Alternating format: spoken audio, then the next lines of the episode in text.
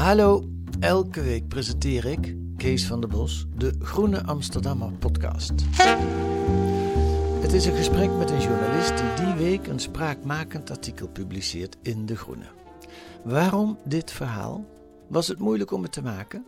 Wat waren de uitdagingen? Wat brengt het ons? En wie is die journalist eigenlijk? Elke week een goed gesprek in de podcast van de Groene Amsterdammer.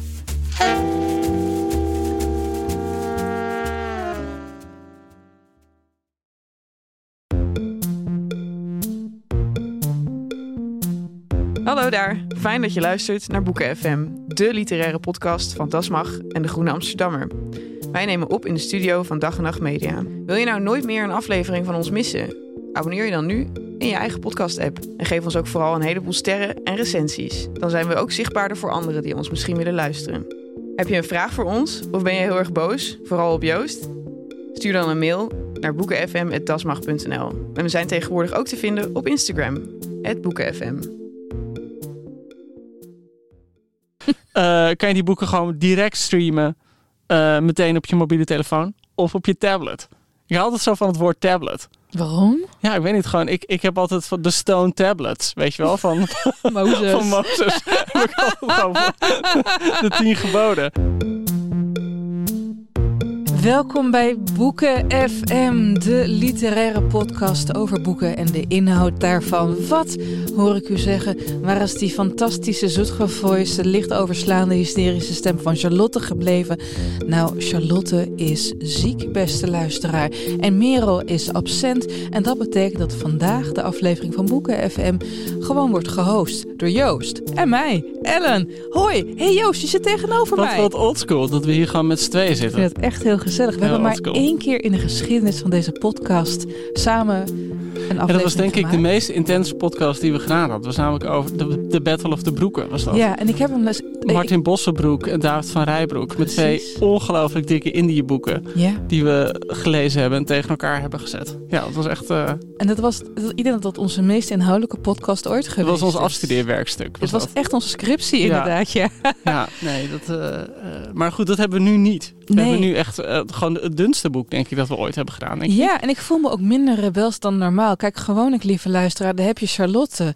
En dan wil je dan toch altijd een beetje pesten en zo, alsof het je kleine zusje is. En Merel zit altijd heel erg woke naast je, jezelf te, je te verbeteren wanneer je woorden in gedichten opleest die er niet in mogen voorkomen.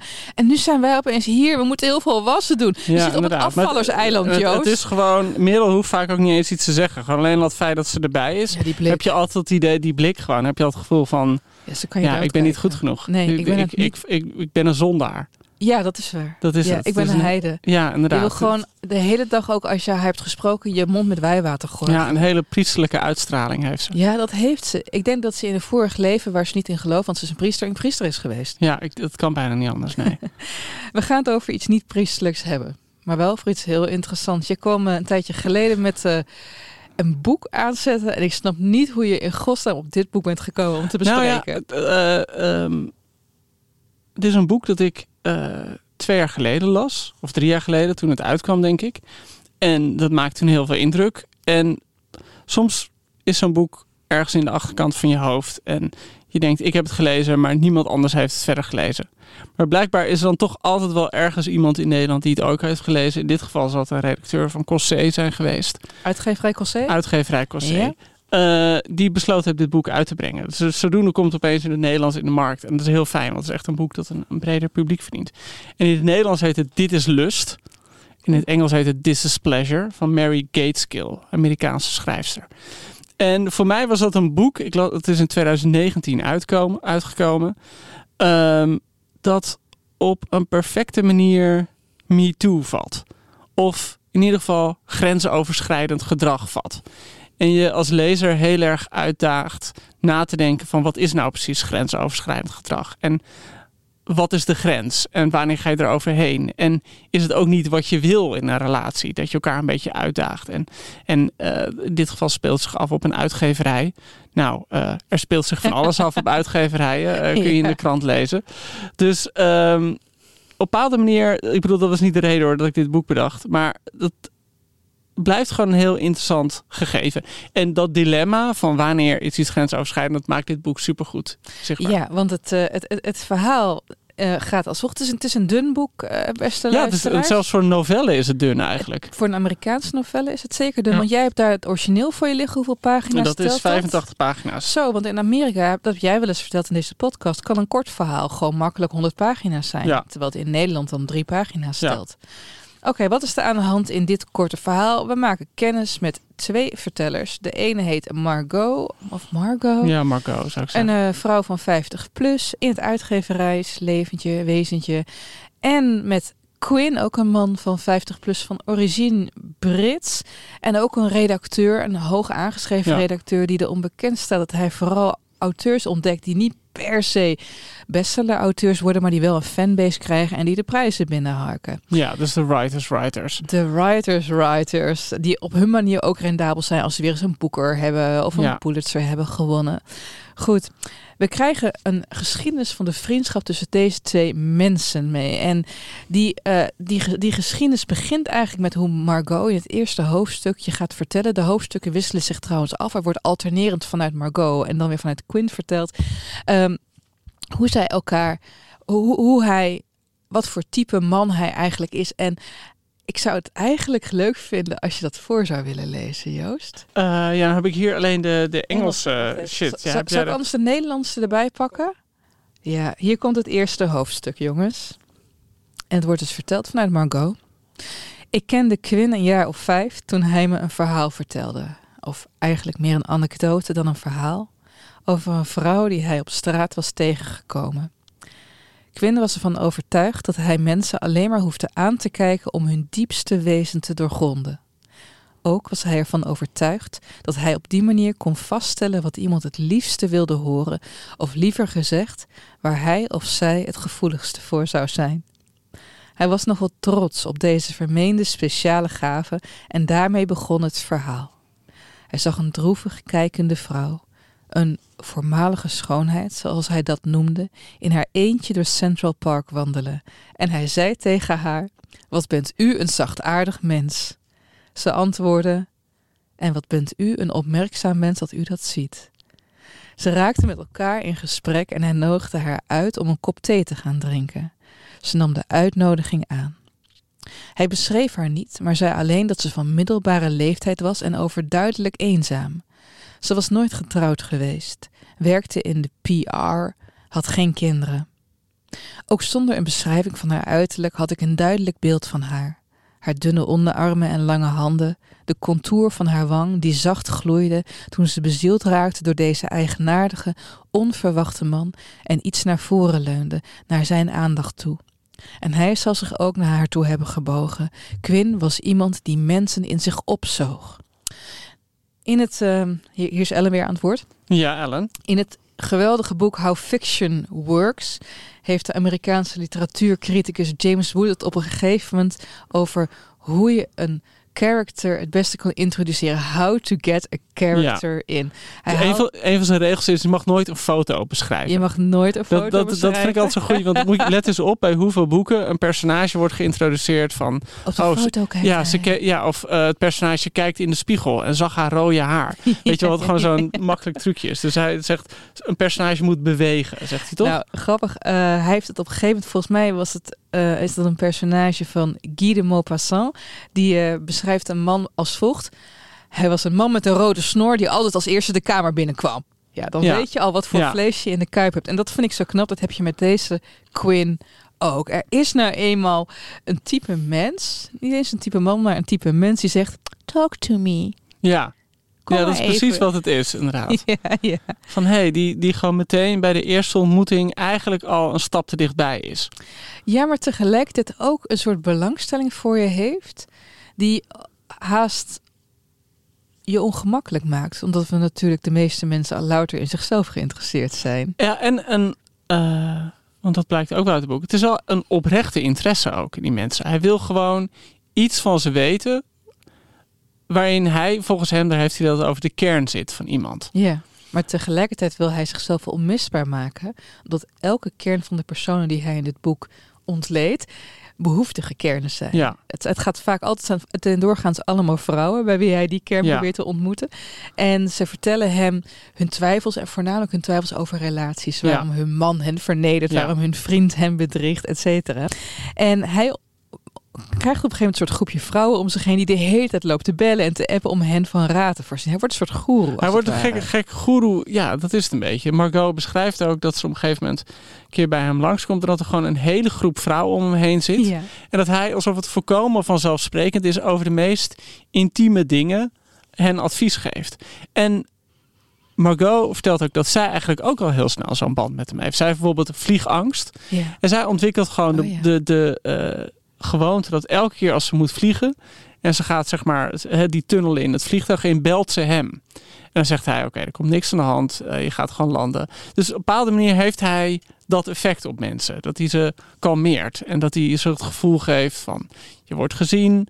eh, ik waak over je. Dat. En tegelijkertijd is er nog iets met deze Quinn aan de hand. Want bij hun eerste ontmoeting gebeurt er iets waaruit je niet meteen zou kunnen concluderen dat zich een la- jarenlange vriendschap zal ontspinnen. Want hij, ze gaan naast elkaar zitten en hij Ja, ze gaan in een restaurant. En hij, hij wil al niet naast haar zitten. Ja. Of hij wil niet tegenover zitten, maar naast haar. Ja, dat is toch wel erg intiem. Dat is al een beetje intiem. En dan grijpt hij haar, als ik dat goed herinner. Want ik, ik, ik, ik, moet zeggen, eh, ik, heb, ik heb de afgelopen dagen migraine gehad. Dus af en toe Ja, heb ik wat Als je flitsen. wegvalt. dat Ja, ik denk en, dan, eh, is als ik begin te schuimbekken, weet je Ja, wel, dan nee, gewoon ik even. Ik heb hier de die- die naald in mijn liggen. borst, Ja, ja. ik heb- Helemaal Pulp Fiction. Eh, hij grijpt tussen haar benen. Of hij wil tussen haar benen ja, grijpen. eigenlijk ja. En zij zegt, nee, thou shall not pass. Weet je wel, Ja. helemaal Gandalf, maar dan zonder Ja, toverstaf ze beschrijft het wel mooi. Dat ze zegt van als je op die manier nee zegt en Ja. je hand uitsteekt, Ja. dan zelfs een paard stoppen met lopen. Ja. Eh, zo duidelijk is dat. Eh, en, en de vraag is ook gewoon van, heeft ze dat nou uitgelokt? Het is eigenlijk niet. Het is gewoon een redelijk normaal gesprek. En opeens... En opeens, eh, weet je, de, de, hij heeft het gevoel, er is een opening en... eh, let, Ik heb sorry. zin. nou ja, eh, maar wat wel grappig is, want dat beschrijft ze dan wel mooi, dat eigenlijk het, het gesprek zich op een hele natuurlijke manier hervat. Ja. En wat ze dan wel mooi beschrijft, is dat deze Quinn is gewoon een deftig figuur, heel goed gekleed, Ja. spits, eh, eh, eh, slank, mooie pakken, et cetera. En dat ze, hij brengt haar naar huis en zij gaat gewoon naar huis, naar haar man. Hoewel ze op dat moment nog niet getrouwd is. Maar goed, in ieder geval, ze krijgt geen affaire met hem of zo. En dan komt ze thuis en dan denkt ze, oh, ik heb nog even wat nodig van de avondwinkel. Dan loopt ze naar buiten. En dan loopt ze het- zo'n zo'n supermarktje in, zo'n 24-hour store. En dan ziet ze zo op de zijkant een soort van mannetje, een beetje grappig figuur voor overgebogen staan. En zijn neus te snuiten. En dan denk ik, zo, wat grappig gevoel. En dan kijkt ze nog eens goed en dan is het diezelfde Quinn. Maar totaal anders opeens Ja, van aard, en- van sfeer, van en- vibe. En dat is natuurlijk gewoon een van de, de raarste dingen die je altijd sowieso kan meemaken. Dat je heel veel mensen altijd ziet. En dan zie je ze op een gegeven moment een keer gewoon een broodje eten op een bankje. En dan breek je hart op een of andere manier. Dat je denkt van, oh god, we zijn ook allemaal maar mensen. En ik denk dat dat voor haar gewoon zo'n kenmerkend moment is. Zij ziet hem gewoon even ongewapend, ongeharnast. En ziet van, oh, dit is ook maar gewoon een man. Ja. En er, er, er, er is een aantal dingen wat heel erg pleit voor deze Quinn. Op een zeker moment, dan heeft Margot, die heeft haar relatie uit. Ze moet haar huis uit. Ze is volgens mij ook nog eens ontslagen. Ze heeft dus een dag die je liever niet hebt. Ja, ze heeft, ja. Ze belt haar beste vriendin. Haar beste vriendin zegt, ja, waarom val je mij lastig? Ik heb nu dingen te Ja, doen. ik heb dingen te doen. Ja, en inderdaad. wanhopig belt zij die Quinn. En die zegt, oh, kom lekker thee drinken. Komt helemaal goed met jou, meid. Ja, Nou ja, zou iemand, daar droom je natuurlijk van. ja. Het is heel gevaarlijk. Dit kunnen charlatans zijn. Maar er zit iets heel sympathieks in hem. Maar we weten inmiddels ook, hij heeft een soort eh, vrije manier van met vrouwen omgaan. Ja, want misschien, je las net iets voor. Maar Ja. eigenlijk had je nog één alinea moeten doorlezen. Ja, maar dat ga ik nu doen. Daar ga ik nu de luisteraars op trakteren. Dus eh, we- weten jullie nog, misschien hebben jullie een heel erg slecht korte termijn geheugen. Hij komt dus een wat oudere, eenzame vrouw tegen in het park. En hij complimenteert haar en ze gaan wat drinken. Ze wisselden telefoonnummers uit. Ik en Margot horen we hier het verhaal vertellen. Ik vroeg hem of hij haar had verteld dat hij binnenkort ging trouwen. En hij zei van niet. Hij was niet van plan haar te bellen. Een voorstelling van wat er tussen hen zou kunnen voorvallen volstond, opgeslagen als een smartphone-video van iets wat al was gebeurd. Ze zou het heel erg fijn vinden als je haar pijn doet, maar niet te erg, zei Quinn. Ze snakt vooral naar genegenheid. Je zou haar op haar billen slaan met, wat, wat zal ik zeggen, een tafeltennisbedje en vervolgens haar clitoris aanraken. Dit is lust. Hij liet een kleine stilte vallen. En dit is pijn. Ja, zo'n, en zij vertelde aan die Margot dat ze jarenlang die anekdote met haar man vertelde. En elke keer dubbel om liggen van het idee van die Quinn, die, die chique man. eh, die dan gewoon een, een wat oudere vrouw met een pingpongbedje op de kont slaan. Ehm, en eh, eigenlijk moeten we dat erbij zeggen. Op het moment dat het boek begint, is het misgegaan al. Ja, en, En niet die- met deze vrouw. Nee, niet met deze vrouw, maar eigenlijk komt het op neer. Die Quinn is een hoge pief bij een grote Amerikaanse uitgeverij. Eh, man met aanzien en een man die door de jaren heen heel veel jongere redactrices eh, ja, niet seks mee gehad. Dat maakt hij heel duidelijk. Het is geen, eh, het is geen iemand die affaires nastreeft. Maar hij is te joviaal. Hij, nou ja, te joviaal. En hij is iemand die de hele tijd de grens opzoekt. Dus hij is iemand die met, eh, vertelt hij op een gegeven moment met een secretaresse, op een gegeven moment wie die heel intiem is. En Maar niet eh, heel persoonlijk, maar niet Ja. seksueel, maar heel Ja. persoonlijk. Maar op een gegeven moment beschrijft hij dat ze eh, kleren gaan uitzoeken. Ja. Dat zij een, een jurk aantrekt. Hij zegt van deze jurk staat je echt heel mooi. En dat ze naar buiten komt. En dat hij gewoon heel eventjes over de tepels wrijft. Even 538 opzoeken. En dat we vroeger zeiden. En dat hij zegt van ja, hij weet ook wel dat die vrouw dat eigenlijk niet per se wil. Maar dat het gewoon voor hem meer dan dat het om seks gaat, gaat om die intimiteit die je op dat moment creëert. Dat je met z'n tweeën iets doet. En eigenlijk kan je afvragen, doet hij het niet in zijn eentje? Maar zij staat het toe.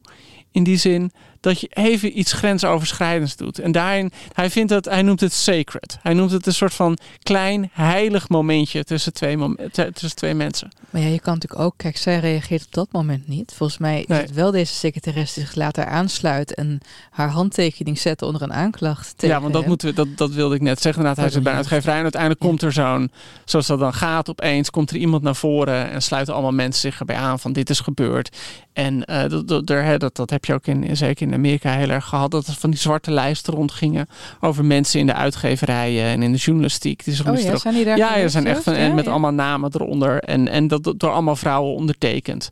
En eh, dus op die manier hangt hij dan gewoon. Ja. En, maar hij geeft, die Margot vertelt ja, dat hij eigenlijk zo'n hele club vrouwen heeft. Bijvoorbeeld van die vrouwen, één vrouw Die die, dol op hem zijn. die dol op hem zijn. en gewoon, ja, ja, maar ook op een hele gekke, intieme manier. Dus één vrouw die bijvoorbeeld elke keer dat ze naar de wc gaat... Of hem- masturbeert. ja, eh, nee, dat is een ander, volgens Oh, mij. Ja, en een andere vrouw, elke keer dat ze gemasturbeerd heeft, appt ze hem daarna. Dus ja, die man moet echt een hele fascinerende eh appgeschiedenis hebben. Eh, dus, dus ehm, en daar zit het boek voor mee. Het is zo'n man die de hele tijd de grenzen overgaat. En wat denk ik interessant is aan hoe Mary Gateskill dit opschrijft, is dat dat natuurlijk ook is wat mensen aantrekt in deze man. Eh, het is iemand die je uitdaagt tot een bepaalde intimiteit. En eh, jou daarin ook ziet. En jou een soort agency geeft van ga je hierin mee. En dat heel veel mensen dat ehm, ja, echt als een uitdaging opvatten. Ja, je zou ook kunnen zeggen dat, dat, dat die intimiteit gewoon een lokwortel is. Weet je wel, dat iemand echt zien om seksueel iemands grenzen over te gaan. Ook Ja. is het louter aanraken, dat, dat, dat, kan, dat, valt al on, dat kan onder aanranding vallen. Ja, en er wordt ook beschreven dat hij op een gegeven moment een eh, eh, vrouw letterlijk ook inderdaad op de kont slaat eh, als straf voor Ja. iets dat ze gedaan heeft. En Die zoals het wordt beschreven, gaat die vrouw er ook in mee. Ja. Weet je wel, hij zegt van hoe moet ik je straffen? Ja. Moet ik je op je kont slaan? En die vrouw gaat vervolgens gewoon in de houding staan Ja. van kom maar. Eh, en dat is ook een van de vrouwen die later eh, die petitie tegen hem ondertekent. Ja. Eh, en bij al die dingen, en dat is natuurlijk wat, wat het zo interessant maakt, heb je steeds die vraag van wanneer wil iemand het zelf en wanneer denkt iemand ik moet dit doen, want dit is Macht. macht, dit is hoe de relatie is. Ja. Ja. Nou, dat is dus de grote vraag. Maar niet eens de vraag, heb ik het gevoel waar dit verhaal om draait. Ehm, het, het, het gaat meer over hoe onduidelijk die grenzen zijn. En hoe, wat een juist fundament is voor zo'n aanklacht en wat niet. Ja. Maar da- daar zijn al vaker artikelen over verschenen natuurlijk. En mensen in de media over gehoord. Weet je wel, je hebt ook hier in Nederland diverse discussies gehad over een MeToo-situatie waarbij men het onduidelijk vond of het MeToo was Ja. of niet. Eh, of het mis, machtsmisbruik was of niet. Ehm, in dit geval gaat het over de andere kant. Van wat doe je als je echt vriendschap hebt? Ja. Zoals die Margot met die Quinn. En dat je weet dat hij een viespeukenkant heeft. Maar dat hij ook je grenzen respecteert zodra je die echt, zoals Ja. je hand voor je gezicht, echt heel erg aan. Weet je wel, en dat vond ik interessant. Omdat zij, die Margot, ook heert voor haar kiezen krijgt van kennissen. Wanneer ze niet meteen stelling tegen hem Nee, wanneer ze gewoon nog steeds met hem omgaat. Ja. En eh, ja, dat, ik bedoel, dat vind ik het mooie van het interessante van het boek, denk ik. Dat het dat heel erg onderzoekt. Ja. Ik zei het net ook een beetje hoor. Maar wat, wat Margot aan hem uit aantrekt, is dat het nu eenmaal gewoon een grensoverschrijdend figuur is. Dat hij eigenlijk met jou mee op zoek gaat naar grenzen. En, eh, en, en los daarvan dat het ook een hele loyale vriend is die er voor je is als het mis met hem gaat. Maar het is geen saai figuur. Het is iemand die altijd een beetje provocatief is. En dat is, dat is wat het interessant is. En ik zat erover na te denken, ook omdat in het Engels heet het boek This is Pleasure. Ja, In het Engels is het, of in het Nederlands is het nu vertaald als Dit is Lust. En dat voor mijn gevoel, ja, het is natuurlijk altijd heel moeilijk om op de plek. Het is altijd heel makkelijk soms om op de plek van de vertaler te zitten. En bij de uitgeverij zullen ze het er ook vast over hebben gehad. Ik vond lust, dat maakt het opeens zo fysiek ja. plat of zo. Terwijl pleasure, eh, het, het woord in het Engels wordt, wordt het woord, valt het pleasure, het woord pleasure best vaak op andere manieren. ja. Dus soms heeft het echt over de pleasure van roddelen samen. En soms heeft het over de pleasure van dat je iets doet dat niet mag. En soms is het de pleasure van eh, gewoon naast elkaar zitten en ontspannen zijn samen. En dus dat woord pleasure heeft heel veel betekenis. En dat maakt je het lust. Klinkt het bijna. Wat, zou- wat zou je zelf dan doen? Wat zou, hoe zou Nou, jij ja. verteld? Genoegen? Ik zat te denken, dit is spannend. Oh ja. Omdat er daar dat Ja. dubbele in zit. Ja. Iets dat spannend is, kan heel leuk zijn. Ja. En iets dat spannend is, kan ook fout aflopen. En dat is volgens mij precies wat dit boek laat zien. Het is iemand die heel lang op eh, zeg maar het scherpst van de snede heeft gespeeld. En net niet zijn hand openhaalde. En ja, nu opeens, als het boek begint, en dat- zijn de vingers eraf. en is hij, eh, je moet, we moeten erbij zeggen, die Quinn is inmiddels ook getrouwd en heeft een kind. En het wordt ook heel mooi beschreven wat dat met die vrouw van hem doet. Ja. Hij is met een soort van chique, half Koreaanse, ja, hyperbegaafd, eh, half eh, Argentijns. Argentijns, Ja. half Koreaans-Argentijns, eh hyperbegaafde, hyperslimme vrouw, waar iedereen van geïntimideerd is, die Margot ook heel erg. Ja. Die jarenlang een soort van, eh, ja, met een prachtige, eh, succesvolle, intrigerende man getrouwd was. Nu opeens in de realiteit leeft dat ze met een, een paria eh, rondloopt. Ja, waar- waarbij zij het zelf al wist. Want op een gegeven moment vraagt zij als ze uit eten zijn samen met Margot en haar echtgenoot. Dan vraagt ze ergens van, heb jij ooit wat met hem gedaan? En hij zei zo, nee, we hebben er is nooit iets seksueels geweest. En dan zie je, dan zegt ze, dank je. Ja, vond ik zo mooi. Ja, En dat, dat Ja. Margot ook denkt van wauw, deze hele mooie vrouw ja, is gewoon eigenlijk bang en jaloers op mij geweest. ja. Eh, en maar wat ik, wat ik ook heel mooi vind, of mooi, wat ik ook interessant aan die Quinn vind, is dat hij dus gek genoeg niet bitter over die vrouwen is die hem erbij gelapt hebben. En dat wordt ook zo'n zo'n typisch scenario, is dat, dat hij met zijn vrouw over straat loopt en vervolgens een van zijn aanklaagsters tegen het lijf loopt. En dat hij gewoon zo heel vrolijk zegt, hallo. ja. Gewoon, als, en dat die vrouw hem dan volgens echt verrot slaat van, wat doe je nou? Je moet negeren, je mag niet. Ja, ja, ja. Hij wil gewoon een leuk praatje met hem maken. Ja. Dus bepaalde snapt manier niet. Hij Ja. is, is, valt het kwartje voor hem niet wat er nou precies mis is gegaan. Ja, want je kan ook een, weet je, stel al is het gewoon vriendschap, er is altijd, als er een machts, als er geen machtsbalans is, dan heb je ook geen echte vriendschap. Dan heb je een protégéschap in het allerbeste geval. Ja. In het allerslechtste geval loopt iemand je gewoon maar de hele tijd te lijmen om hogerop te komen Ja. op die machtsladder en zo.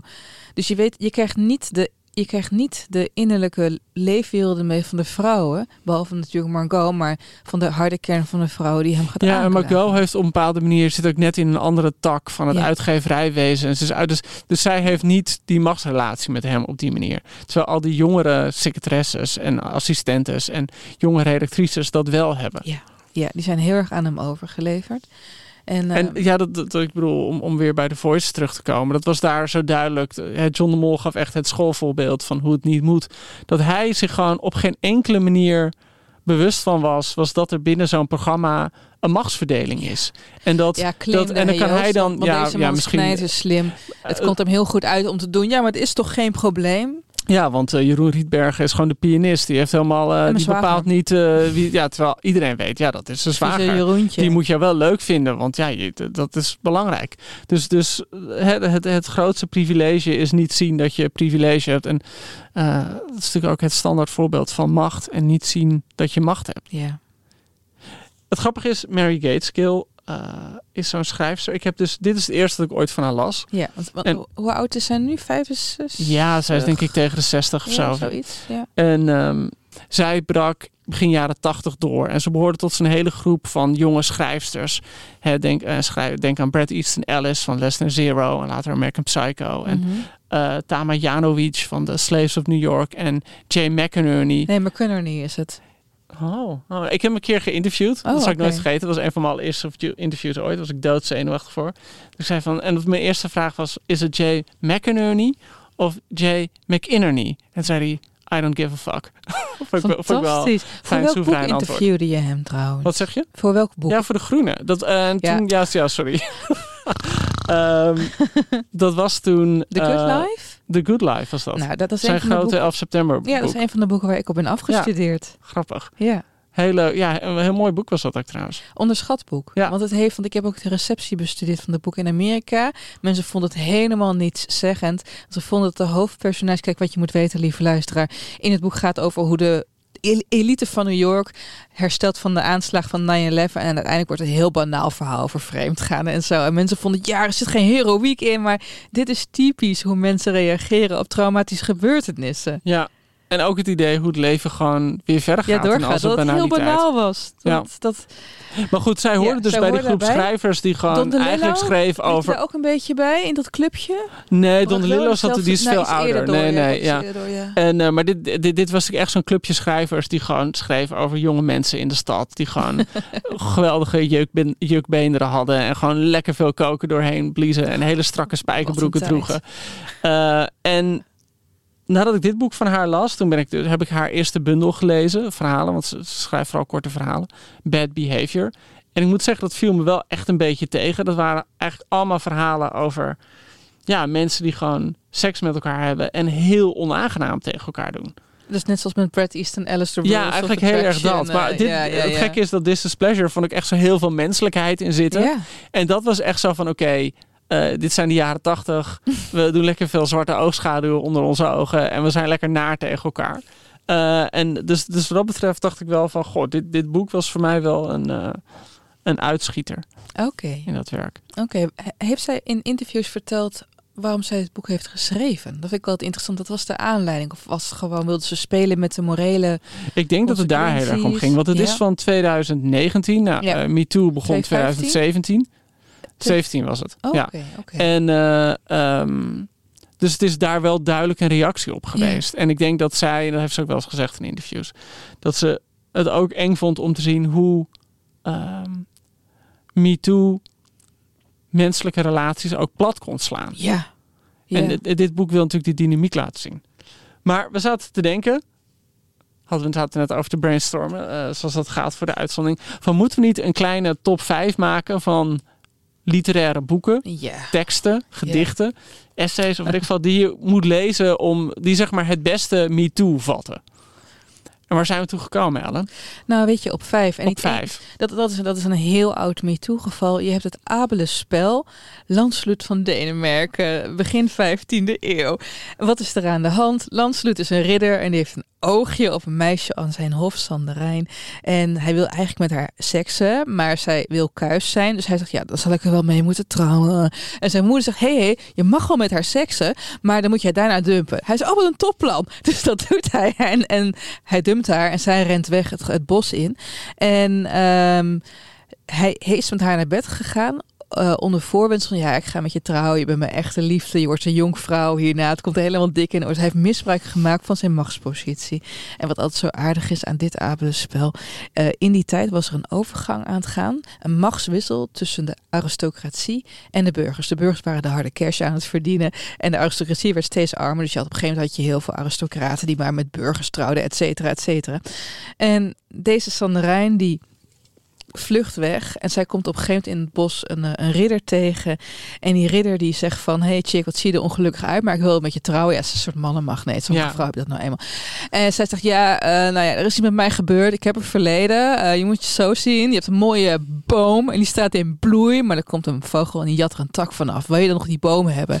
En dan zegt die Prachtige ridder... metafoor. Ja, die middeleeuwen, zo maken ze niet meer.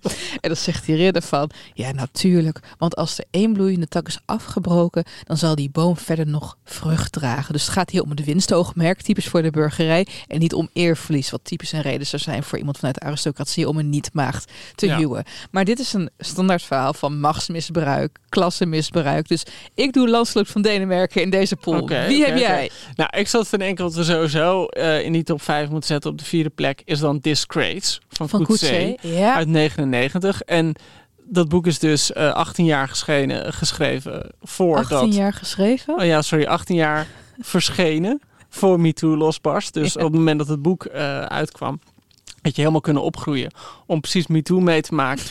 Eh, met dat boek in je achterhoofd. En, want dat boek beschrijft eigenlijk al op een hele heldere en een hele pijnlijke manier wat heel veel is aangekaart, namelijk de affaire tussen een student en haar professor. Die professor David Lurie, heel beroemd personage inmiddels, het boek heeft ook de Boekenprijs gewonnen, is zo'n hoogleraar die elke zoveel jaar een affaire heeft met een studenten en daar eigenlijk niks van denkt. En in dit geval, wat het zo pijnlijk maakt, en dat boek moet ik erbij zeggen, gaat over heel veel meer. Het, het, is echt zo'n boek dat volledig gecanoniseerd, omdat het echt laat zien hoe ehm, eigenlijk de geschiedenis van Zuid-Afrika, de geschiedenis van apartheid en racisme doorwerkt op alle mogelijke manieren door de relaties in de maatschappij heen. Maar het begint eigenlijk met dat, dat MeToo-verhaal over die hoogleraar die ja, eigenlijk een, een andere minnares kwijtraakt en meer uit een soort van verveling aanpapt met een studenten. En het is vanuit zijn perspectief geschreven. En in zijn perspectief wil die student wel. Ja. Maar als je dat leest, Ah. mer- en jij hebt niet dat, dat eh, subjectieve blik van de ik-persoon, omdat je gewoon als lezer zelf nadenkt, zie je van ja, maar waarom is dat meisje zo ongelukkig? Waarom wil ze eigenlijk niet? En als ze seks hebben, waarom ligt ze dan gewoon stokstijf in bed? Dus dat doen alle vrouwen toch? ja, Daar hoort Ja. het toch bij, Joost?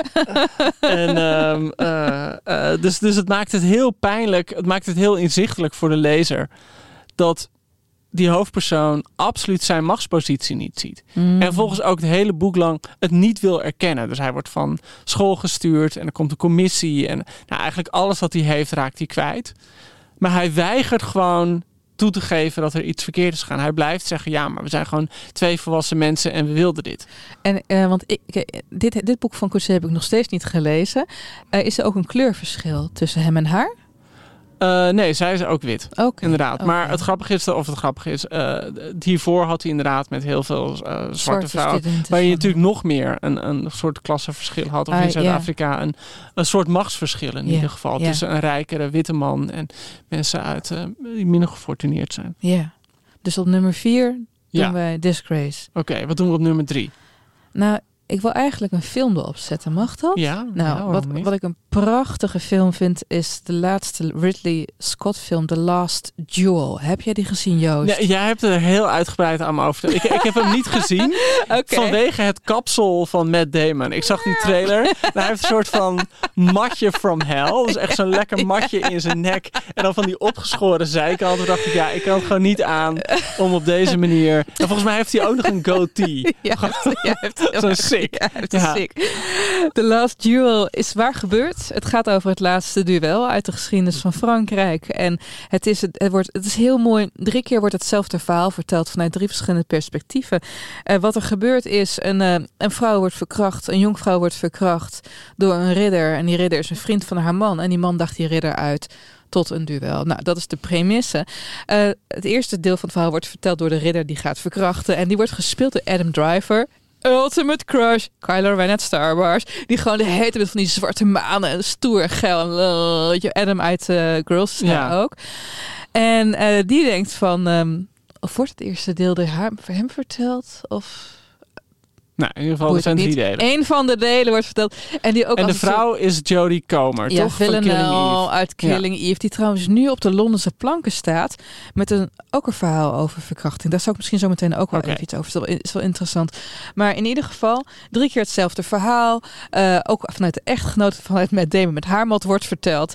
En je krijgt drie keer dus een verschillende visie. Op een gegeven moment dan vraagt de rechtbank, want er wordt een rechtspraak, vragen ze aan, eh, aan de verkrachtende ridder van ja, heeft zich niet verzet? Hij zegt ja, natuurlijk, maar ze is een dame. Die horen zich te verzetten bij seks, zoals als het je vrouw is. En die film biedt dus een heel interessant inkijkje hoe je als vrouw klem werd gezet. Want als je seks had, was je sowieso de Sjaak. Ja, Het was het minste het was erg. sowieso zondig. Je was sowieso, Ja. ja, en je, je kwam sowieso in de hel. Het was het minste erg als je het met je vrouw, met je man deed. maar goed, en een glansrol in deze film is weggelegd voor Ben Affleck, die een geblo- geblondeerde, ja, heel hooggeplaatste baron speelt. Of dat dat bestaat heel hooggeplaatste graaf speelt, die de hele tijd orgies heeft en zo. Het is echt heel erg grappig, maar het laat tegelijkertijd heel sterk zien hoe in die tijd je als vrouw geen schijn van kans had als je überhaupt verkrachting aankaarten. Het is echt een prachtige film. Over Jodie Comer, die maakt nu de Londense podia onveilig met een monoloog waarin ze een, een advocaat speelt die eh, normaal gesproken in verkrachtingszaken de dader vertegenwoordigt. En eh, de eerste helft van die monoloog gaat ze de vraag stellen die ze als advocaat zou stellen. Van, hoe weet je dit zeker? Weet je, hoe weet je zeker dat je dit niet echt wilde? Ja. Je had toch je kleren uitgedaan? Je was toch met hem meegegaan naar huis? Dat je had dat hele spervuur wat je toen Ja, ja. als slachtoffer. En dan komt er een deel 2 in het stuk. En dan blijkt zij zelf verkracht zijn geweest. Dan komt ze zelf voor zo'n rechtbank. En dan krijgt ze precies die vragen. Oh god, wat een pijnlijk eh, gegeven Ja, inderdaad. maar fantastisch. Ja. Fantastisch idee. Het, eh, eh, er wordt nog een film van gemaakt, jongens. Google dit maar. Jodie Comer, Ra- Rape Cause. Het, het, het, het schijnt echt. Ik, wil het, ik, ik zit volgende maand in, maand in Londen even. Ik hoop nog een kaartje te kunnen bemachtigen. Maar het schijnt ook fantastisch Ja. te zijn. We gaan terug naar, Naar- dit, voor mij op drie. Op nummer twee voor jou, Joost. Op twee, ja, denk ik, misschien moet het wel op nummer één, want dit was, eh, maar ik, ik wil, eh, maar dit was gewoon het verhaal waarin alles samenkwam. Dat was zo'n Oh verhaal ja, dat ik weet al een totale eh, toevalstreffer. Bam. Maar je had bam. gewoon dat najaar van 2017, het tot MeToo opeens ontdekt werd, opeens werd die, die term gemunt. En de ene naar de andere grote man kwam ten, ten val, omdat het opeens bleek eh, hoe wijd verspreid het was en hoeveel mensen wel niet van hun macht misbruik maakten voor seks. En toen kwam er opeens een verhaal in de New Yorker vlak voor kerst van Kristen Rupenian. Een schrijfster van wie eigenlijk nog niemand, Niemand. echt gehoord had. En later heeft ze een verhalenbundel uitgebracht waar dit verhaal in staat. Cat Person. En het gekke is, die andere verhalen lijken daar ook niet op. Die andere verhalen zijn heel Gothic, smart, en een beetje spo- spookachtig. Terwijl dit een heel fel realistisch verhaal is. Over een vrouw die op een date gaat met een jongen. En ja, eigenlijk weet ze al meteen van, oh ja, dit gaat hem gewoon niet worden. Eh, en die jongen blijft het gewoon proberen. Eh, en eigenlijk wordt de jongen steeds bozer en bitterder. Dat, dat zij gewoon niet. En het eindigt gewoon met zo'n eh, zo'n digitale barrage van beledigingen aan haar hoofd. Eigenlijk dat hij er steeds meer verslet uit gaat maken. Omdat ze hem niet wil. Is, is dat zo? Is dat de Ja, volgens mij het laatste, het laatste woord is echt slut. Oh, Dat, dan, dan krijg je echt zo'n hele opsomming van de appjes die het stuurt. Maar ik dacht, of ben ik dan in de, in de war met een ander verhaal, Joost? Dat dit ook dat je merkt dat ze seks gaan hebben. Ja. En dat ze dan de hele tijd denkt van ja, nou ja, Dit wil ik- ja, ja. ik wil niet Ja, echt. dat zit er ook heel duidelijk in. Dat, dat ze hebben die date. En zij zit de hele tijd gewoon te denken, hoe, ja, let's get it over with. Denkt ze op een gegeven moment. En eh, ze, Heb ja, jij dat wel eens gehad? Want ik, je hebt een keer verteld in de podcast dat je maar een keer met een chick naar bed bent geweest, want anders die spanning de hele tijd tussen jullie in bleef staan. eh, nou, dat, dat weet ik niet meer. Maar ik weet wel nog gewoon dat ik een keer met een meisje aan het zoenen was op mijn eh, Ikea-bankje toen ik studeerde. In de Kerkstraat, ja. En dat ze, ja, in de kerk. je vertelt Het was niet. Ellen. ja, ja, ja. En dat ze opeens zei, ja, volgens mij is dit eigenlijk niet de bedoeling. Oh. En toen zei ik, nou ja, oké. En toen eh, ging ze weg. En toen heb ik gewoon lekker de Gladiator gekeken. Maar voelde je niet afgewezen dan? Nou, ik vond het gewoon... eh, Had je geen blauwe ballen? Ja, sorry, maar dat nee, heb je ja, dan ik toch? vond het gewoon wel grappig dat het gewoon. eh, want het was ook wel. ja, ik bedoel, het is ook wel een tijd geleden. Maar het, soms gebeurt dat dat je eigenlijk met elkaar aan het zoenen bent. En denk je, en dat je zelf ook wel weet van ja, waarom zijn we eigenlijk precies aan het zoenen? Ja, omdat, Omdat het gewoon om- ja, dat je hebt gedronken en je bent in die gelegenheid. En, en zij had denk ik opeens zo'n nuchter moment van: oh ja, shit, wacht eens. Dit is gewoon Misschien is het helemaal niet de bedoeling. Oké, oké. Ja, ik- ja, ja, ik vond het gewoon wel prima. Heb je ooit een MeToo-moment meegemaakt? Van mezelf? Ja. Nee, ja, Omdat ik heb er heel veel over omdat- nagedacht. Omdat, omdat maar bijvoorbeeld Jelle Brand Korsjes heeft het meegemaakt. Oh, op die manier, dat als slachtoffer. Oh, grappig. Oké, Babylonisch moment hier, Joost. Nou, van allebei. Ja, ik dacht dat Ja. je bedoelde van Nee. dat, dat ik een... eh, Heb je ooit de aantijging gehad? Nee, heb ik gelukkig nooit gehad. Nee, ik ben geneigd... Nog nee. nooit. Nee, ja. nou, kijk, dat is natuurlijk gewoon Heel een van de gekke dingen die... En ik weet nog wel dat dat MeToo gebeurde. Dat ik daar ook met vrienden over had met elkaar. Van, goh, kun jij iets van jezelf bedenken... dat je een bepaalde grens over bent gegaan? En wat MeToo gewoon ook wel duidelijk maakte... en eh, wat, wat zo'n boek als Dit is Pleasure ook wel duidelijk maakt... is dat je kan van jezelf heilig overtuigd zijn... dat je nooit een grens over bent gegaan. Maar dat is vaak jouw grens. Ja. En het is veel moeilijker om de grens van iemand anders waar te nemen en te zien. En eh, dus ja, dat, het, het is altijd heel makkelijk om te zeggen: ja, ik ben nooit een grens overgegaan. Maar ja, dat is omdat het je eigen grenzen zijn. En is iemand ooit jouw grens overgegaan?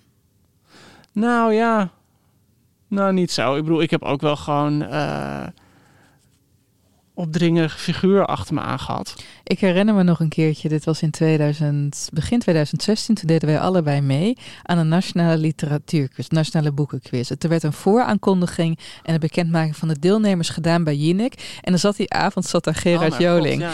En eh, toen kwam jouw foto in beeld. Nou, onder andere Joost de Vries doet mee. En Gerard Joling, oh, zal ik wel eens even lekker eh, een beschuitje of een boekje mee willen delen hoor. Nou, die was helemaal lekker aan Ja, en even. Jinek zei over mij van... Oh mijn god, deze jongen, het is nog een embryo. Terwijl ik gewoon twee jaar jonger ben Dan Eva Jinek. Ja. Ehm, Maar goed, jij dus niet. ik denk ik niet, nee. Nee. Nee, ik, het is niet... Anders zou ik het... Weet ik ook niet of ik het hier anders zou zeggen. Want dan zou ik er ook wel echt mee zitten. Strafbaar zijn, ja. Ja, inderdaad. maar, eh, maar dat vond ik wel echt ook echt een van de mooie dingen van MeToo. Op die manier dat ik opeens toen in dat najaar gewoon met allemaal vrienden in dit soort gesprekken belandde. En dat je er echt over ging nadenken van... Oké, kan jij iets van jezelf bedenken Dat Eh, niet oké was. dat niet oké was? En dat, dat mensen er wel over... En dat vind ik ook een van de echt eh, meest verbluffende dingen... die dan bijvoorbeeld met zo'n voice hoort. Dat je echt denkt, hè, dit is 2022. We weten, je weet toch dat dit niet kan inmiddels. Ja, Gewoon maar- de tijd dat je het met een mantel der, der onwetendheid kon bedekken. Nou, die is sinds MeToo in 2017 wel echt weggetrokken. Ja, maar juist, ja, maar je, bent natuurlijk een man. Als vrouw was het echt van ja, natuurlijk, het Ja, zal nee, nooit tuurlijk. stoppen. Ja. Het zal, ja, dat, daar ben ik heel pessimistisch over. Juist, Nee, maar meer Ja. zo'n zo'n Jeroen Rietberg of, Ja. of Ali B. Wat dacht je dat het niet uit ging komen? Ik bedoel, dat was het vreselijk dat Ali B. blijkbaar tegen zo'n meisje had gezegd van ja, maar als jij het wie dit verklaart, je? niemand gelooft je. Maar Ja. ik bedoel, dit is gewoon 2022. Natuurlijk geloven mensen je wel. We weten het inmiddels. Ja, maar ik weet niet of dat voor 2017 was gebeurd met dat meisje. Want Ja, ik kan me indenken dat je Ja, voor... Misschien was het langer nog. Ja. Ja. Maar weet je wat de grap is, Joost? Ik heb dus... eh, eh, ik ben zelf nooit... Ik ben wel benaderd door mannen die machtiger waren dan ik. Maar kijk, ik ben altijd... Vroeger, nu niet meer, maar vroeger was ik echt een jager. Als een man bij benaderde was, Ja, je krijgt een vinger en ik ga er vandoor. Maar op de dag dat dit uitkwam... En in der tijd is ook mijn toenmalige redacteur beticht van MeToo. Er was een hele ruil. En Ja, ik, heb no- contact. ja, ik heb hem nooit zo gekend. Eh, maar andere vrouwen wel. En eh, toen die rel losbarstte, was het ook echt opeens dat MeToo werd gelinkt in Nederland aan de literaire wereld. En ik heb in die week, en dit ga ik mee mijn graf innemen, maar ik heb in die week van een aantal bevriende mannelijke auteurs appjes gekregen van ben ik in der tijd niet te ver gegaan bij jou, dit, dit, dit, dit. En bij een aantal gevallen dacht ik van nou, bij mij niet, maar ik kan heel goed nee zeggen. Ja. Ik kan echt heel goed nee zeggen. Dus ik heb soms het idee, kijk, ik weet dus dat, jij, jij- alludeerde daar net heel even aan. We nemen dit vandaag op op 16 juni. Als het goed is en onze bronnen kloppen, Literair Boulevard, dan verschijnt er vanavond een artikel in de Volkskrant over machtsmisbruik bij een grote landelijke uitgeverij.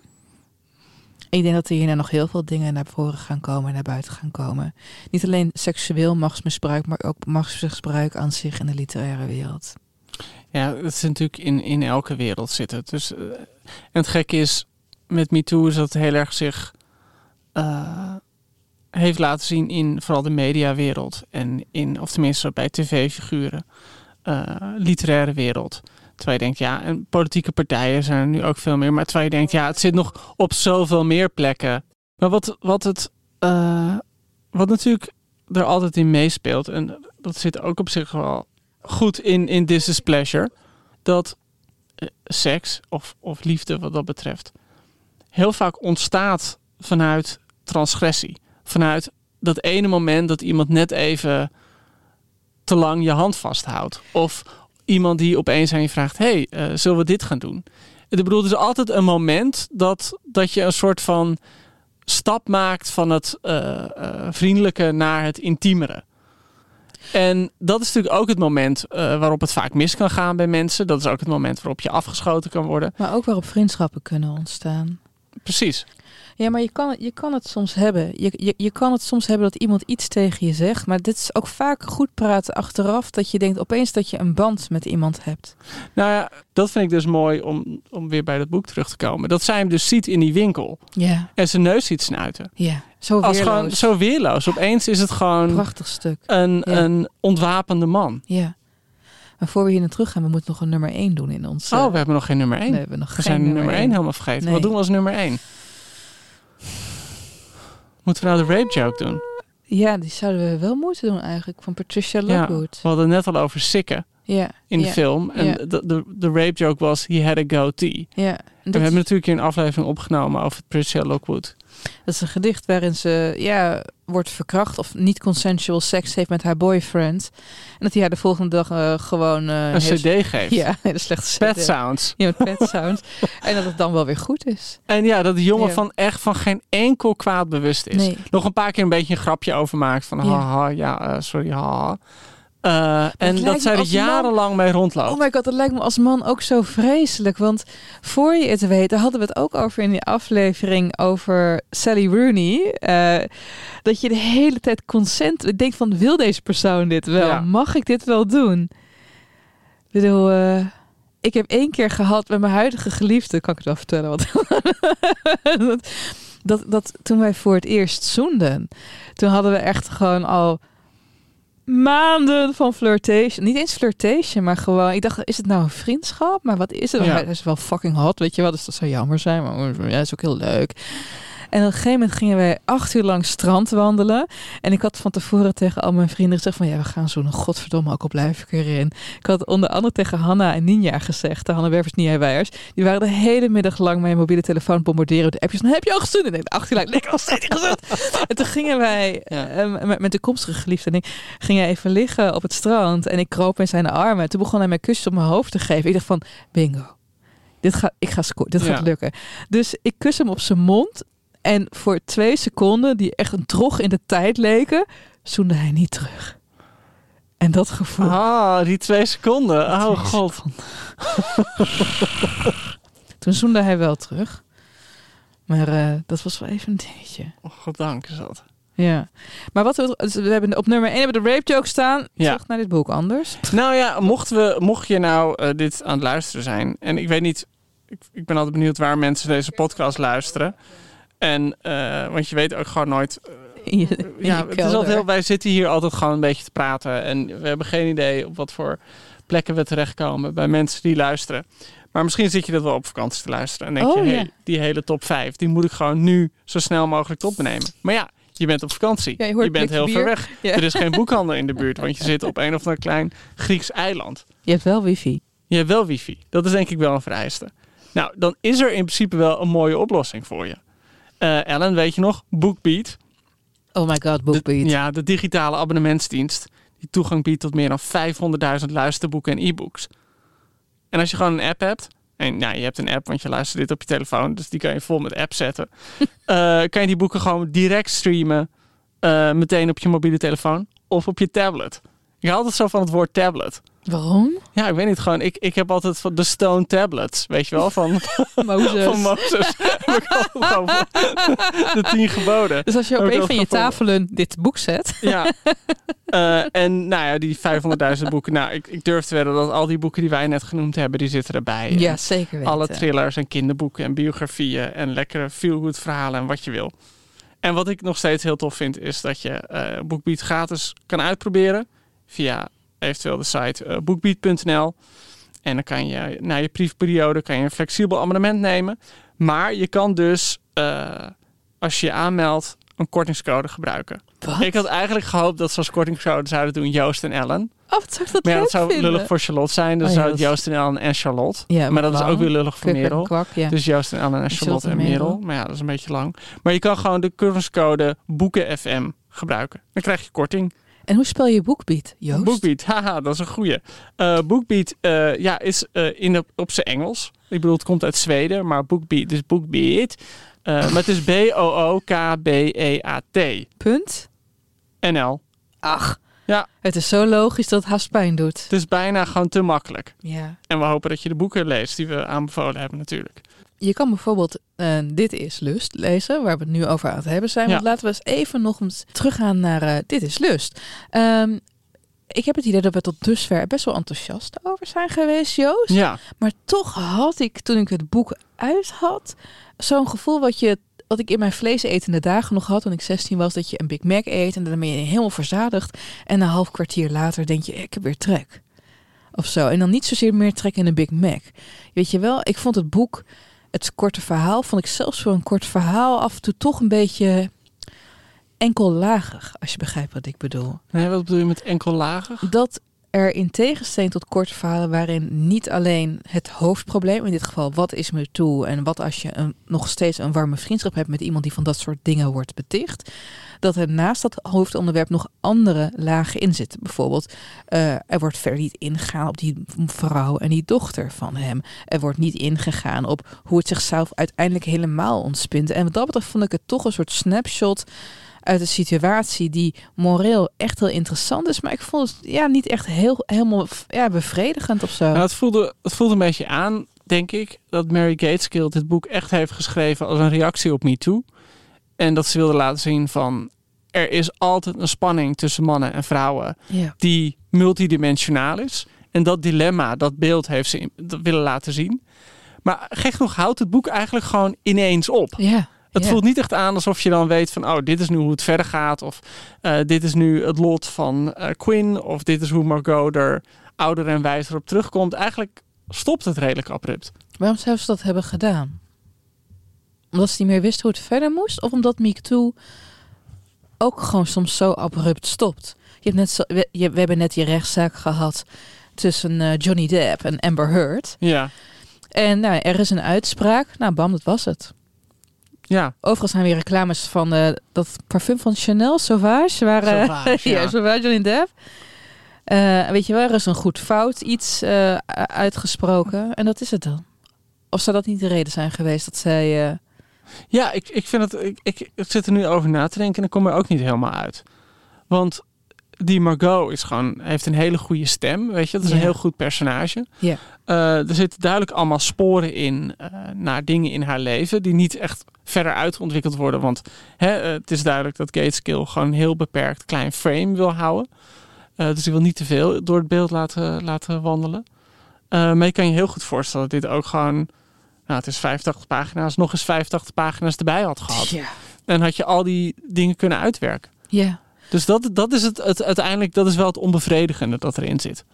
Ik moest af en toe echt om onduidelijke redenen... Nou ja, misschien dat er een klassenverschil in zit... aan The Human Stain denken van Philip Roth. Eh, Ja. Fun fact, lieve luisteraars. Maar ja, de nooit opgenomen broadcast. Ja, wij, nou, we hebben hem ooit opgenomen. Wij hadden op een gegeven moment hadden wij met Peter Buwalda afgesproken van we gaan, want die is helemaal fan van Philip Roth en de Philip Roth biografie kwam eruit en daar was ook heel veel ge- gedoe omheen. Dus om kort te gaan, we hebben een hele aflevering daarover opgenomen, maar we waren er niet tevreden over. En voordat je denkt van ja, hoezo zijn jullie daar niet tevreden over? Al die bagger die jullie gewoonlijk over ons uit. Nee, we waren er echt niet tevreden Nou ja, over. want dus de opname is ook door niet goed gegaan. Wat? De opname is ook gewoon niet goed gegaan. Oh, toch? was dat het? Ja, dat was het. Oh, Uiteindelijk, sorry ja, Peter. dat is een beetje het probleem. Merel was er niet bij. We zaten nog niet zo lekker als nu bij dag en nacht. Nee. In de studio waar we gewoon alleen op die rode knop hoorden te drukken. We zaten op de groene met een of ander vaag dingetje waar we het moesten opnemen. Eh, en dat is gewoon niet goed gegaan. En elke keer als ik Peter Walde tegenkom, zegt hij tegen me: Wanneer maken we nou de podcast af? Oh, echt? Dus ja, dat moeten we echt een keer doen. Ja. Aan mij vraagt hij altijd, waar is Jet? Ja, waar is Jet? ja, die kan hij ook niet bijbenen. Nee, nee. Ik bedoel, hij is best kwiek. Maar eh, Jet, Jet is kwieker. ja, dat is kwieker. Ja. ja. Ehm, Maar ik moest denken aan The Human Stain, Ja, de vertel. roman eh, van Philip Roth, ja, waarin je 2000. zoiets, wa- Ja. waarin het aan de ene kant heel erg gaat over een, over een relatie tussen een voormalig hoogleraar en een vrouw uit de arbeidersklasse. Ze kan ook half niet lezen of zo. Ja, ze is zoiets? is, Dat is eh, bij de Reader of de, half van, Schlink. Eh, daar gaat het over, maar het gaat ook over hoe hij een faux pas maakt, een ogenschijnlijke faux pas, een racistische opmerking maakt in zijn klas. En dan ga je zijn levensgeschiedenis zien. Ja. Dan kom je erachter dat hij, nou, dat gaan we niet spoilen. Nee, ja. Dat is wel echt nogal een mooie, Niemand is een wie je mooie denkt. twist, inderdaad. Maar het, gaat het, het gaat over kapitalisme. Het gaat ook over de communistenjachten. Het gaat over een klasverschil tussen man en vrouw. Het gaat over wat is de dood. Het gaat over wat is Wit en nalatenschap. zwart. Ja, Wit en zwart. Academisch versus werkende klasse. En ik vind dat ja, deze... Het zit ook zo'n heel, heel mooi die strijd in tussen eh, eh, die hoogleraar in de klassieke die dat geworden is vanuit een soort working class background. En dan die Franse hoogleraar die erbij, of lerares die erbij zit. En eh, die juist helemaal uit soort van het Parijse eh, intellectuele milieu komt. en maar een eigenlijk- vrouw is, dus Ja. gelijk heeft, et cetera, Ja. et cetera. Dus dat soort machtsspanningsvelden zitten daar op meerdere niveaus in. Eh, ik zou eigenlijk gewoon willen dat Mary Gateskill hier een groter boek over had geschreven. Maar als je naar aanleiding van wat een afgerond verhaal had moeten zijn, zulke verlangens hebt, dan zegt dat niet per se het Ja, allerbeste nee, over het verhaal wel, in kwestie. Inderdaad, ja. Het, het laat je net, net eh, te onbevredigd achter. Ja, dat vind ik ook. Dus ehm, ja, ik, Nou, het, ja, neem niet weg dat ik denk van dit is... Ook omdat het 50 pa- pagina's is. Je bent gek als je het niet leest. Want het daag je echt gewoon uit om over MeToo en over machtsmisbruik... en over grensoverschrijdend gedrag na te denken.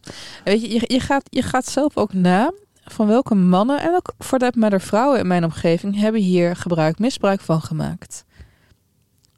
Ik, ik had echt bij een aantal, ik, nou ja, gewoon mijn, mijn voormalige redacteur werd hiervan beticht. En ik heb hem nooit zo meegemaakt. En ik vond het echt afschuwelijk. Ja, Ook omdat ik heb gezien wat het met zijn gezin heeft gedaan. ja tuurlijk. En dat, dat- is een van de... eh, ja, wat, en dat is natuurlijk ook wat Quinn, dat personage, de hele tijd zegt. Eigenlijk is Ja. zijn hele leven verwoest. Ja. En wat hebben die vrouwen precies geleden die hem aanklagen? Een keer een hand op hun kont. Eh, wat, goed. wat ongemakkelijke opmerkingen.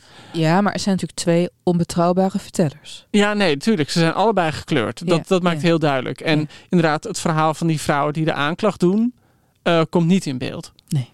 Eh, maar gewoon, het, het, het gevoel is wel dat die Quinn, ja, die is, ja, zijn vrouw is nog bij hem en hij heeft zijn dochter nog. Maar ja, zijn hele leven, zoals hij dat heeft opgebouwd, is Ja. voorbij. Ja. In feite. Hij gaat nog terug naar Engeland. Ja, dat, dat is eigenlijk de hoop waar het ja. eindigt. Dat hij denkt van in Engeland kan ik nog... eh, Ja, maar weet je, je carrière is toch helemaal ehm, eh, eh, ja, toch vertiefd. Ik ken iemand die vanwege een MeToo-zaak is ontslagen bij zijn bedrijf. En hij komt nu niet meer aan de bak.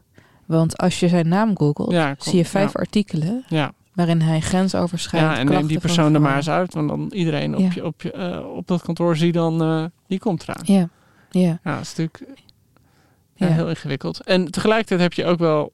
In Amerika is het natuurlijk redelijk breed uit. eh, Is er heel veel gebeurd, veel meer dan in Nederland. Heb je ook gewoon redacteur bijvoorbeeld van de New York Times. Die dan een jaar geschorst werden en weer terugkeerden. En eh, ja, eh, logisch ook. Want, want je, je bent niet voor de rest van je leven veroordeeld. En je hoopt dan dat iemand na een half jaar of een jaar schorsing zijn les heeft geleerd. Maar het is natuurlijk heel gek als je...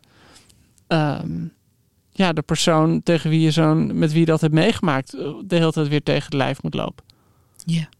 ja, en ook stel je voor dat wij, stel je voor dat jij een nieuwe redacteur krijgt. En van wie je dus weet dat hij een, eh een is geweest, maar nu zijn leven heeft gebeterd. Als jij vertelt van ja, deze Huppeldepup is mijn redacteur, dan zul je ook altijd bij ze moeten zeggen, ja, maar hij doet nu, of zij, voor that matter, is nu wel oké. hoor. Weet je, je, je, je dwingt ook toekomstige contacten haast in het defensief te gaan. Ja. Ja, nee, ja. Dat, dat, dat- dat- het is, het is zo'n dilemma waar nog niet echt een antwoord is op, op is op die manier. Nee. Eh, en we zitten natuurlijk heel erg, ik bedoel, iedereen roept de hele tijd op cancel culture bestaat. En dan, dan heb je weer allemaal andere mensen zeggen het bestaat niet. Maar het punt is, er is gewoon nog niet helemaal duidelijk wat er gebeurt en hoe je weer terug kan keren als Ja, je ja. bent verstoten. Ja, nou ja, aan de ene kant was, was dat Loes Rijmer, die had de laatste hele interessante column over in de Volkskrant. Dat ze zei, weet je, bekende mensen die maken een faux pas. Zelfs die Bilal Wahib, weet je wel, die aan een jongetje Ja. van 12 had gevraagd om zijn piemeltje te laten zien. Die eh, is dan een jaar uit de running en die staat weer op podia. Eh, Chris Brown, die Rihanna in elkaar sloeg. Nou, die staat ook weer gewoon uitverkochte zalen te spelen. Terwijl eh, onbekende mensen, er was een mevrouw die had eh meegeholpen met het beeld van JP Koen omverschoppen. Die heeft haar baan verloren Ja. bij de gemeente. Die komt nergens meer aan de bak. Dus als je een celebrity bent, dan heb je veel meer die vergevingsgezindheid. Om de een of andere reden. Ook omdat er daar een zeker voyeurschap mee komt kijken. Van, oh wat spannend, weet je wel. Ja, ja, ja. Iemand staat weer in de belangstelling. Die is zo slecht geweest. Hoe loopt dit af? Maar ja, goed. Moeten we een cijfer geven? Ja, ik wil een cijfer geven. Ik heb van Charlotte een appje gehad. Ja? Die vond het boek geweldig. Ah. En die gaf het een 9. Nou. Maar Charlotte is altijd heel ruimhartig. Ja, dat is het. Dit- maar Het is een heel, het is een heel goed en gul mens. Ja, heel gul mens. Zeker. Ja, ik, ehm, ik moet zeggen, ik vond het keihard geschreven. Wat een goede stijl. Ja, En ik, ik, ik, ik ging het lezen. Ik had de pdf op mijn laptop. En ik zat in de trein. Ik dacht, nou, even een klein stukje. Ik kon niet ophouden. Maar ik vind het toch dat je achteraf denkt, meh. Weet je wel, goed, maar meh. Dus een 7,5. 7,5, oké. Ja, nou goed, ik heb het nu voor de tweede keer gelezen. En eh, ik was, we hebben het weinig over de stijl gehad. En de stijl is gewoon heel, Jullie hebben het gehoord, lieve het is heel luisteraars. kort. Het is heel, eh, eh, heel goed gekozen wat ze zegt, wat ze niet zegt. Eh, je hebt echt Het is gevoel- heel grappig ook. Het is heel grappig Ja. ook. Heel erg oog voor het menselijk tekort. Ja. En de, de verhalen die we onszelf vertellen om onszelf iets wijs te maken. Dus ik vond het echt een heel slim boek en een heel wijs boek. En ik ben het helemaal met je eens. Het, het, het eindigt gewoon onbevredigend. Maar ik zou toch wel een 8 geven. Oké. Nou, dan komen we uit op een eh, iets rond de 8. Ja, iets rond de 8. Iets meer. Het zal, net, het zal net een klein beetje meer zijn dan een 8. Ehm, volgende keer, als we er weer zijn, is hopelijk, eh, hebben we weer vragen. Die hebben we nu ook gehad. Maar omdat we met z'n... Ja, we hebben gewoon... geen antwoorden. We hebben gewoon die mooie, serene stem van Merel nodig om de vragen voor te lezen. Ja, en de sopraan van Charlotte om Ja. de vragen te ja, beantwoorden. dat- ja inderdaad. Oké, heel erg bedankt voor het luisteren. Dit was Ellen Dekwiets en Joost de Vries in het kantoor van Dag en Nacht Media. Wij zijn Boeken FM, de podcast van de Groene Amsterdammer en uitgeverij Das Mag. Mail je vragen naar Das Mag. Nee, Merel at nee, nee, boeken, boeken FM. En Het Das Mag. dasmag.nl. Ja, dat is hem. Ja. Al hebben we nu Merels e-mailadres geëxposed. nou, niet jongens, niet onaardige dingen naar Merel mailen. Gewoon naar uh. En word allemaal lid van de Groene. En koop Ellen's prachtige bundels. Koop Joost prachtige essays. Jongens, tot volgende keer. Ballen.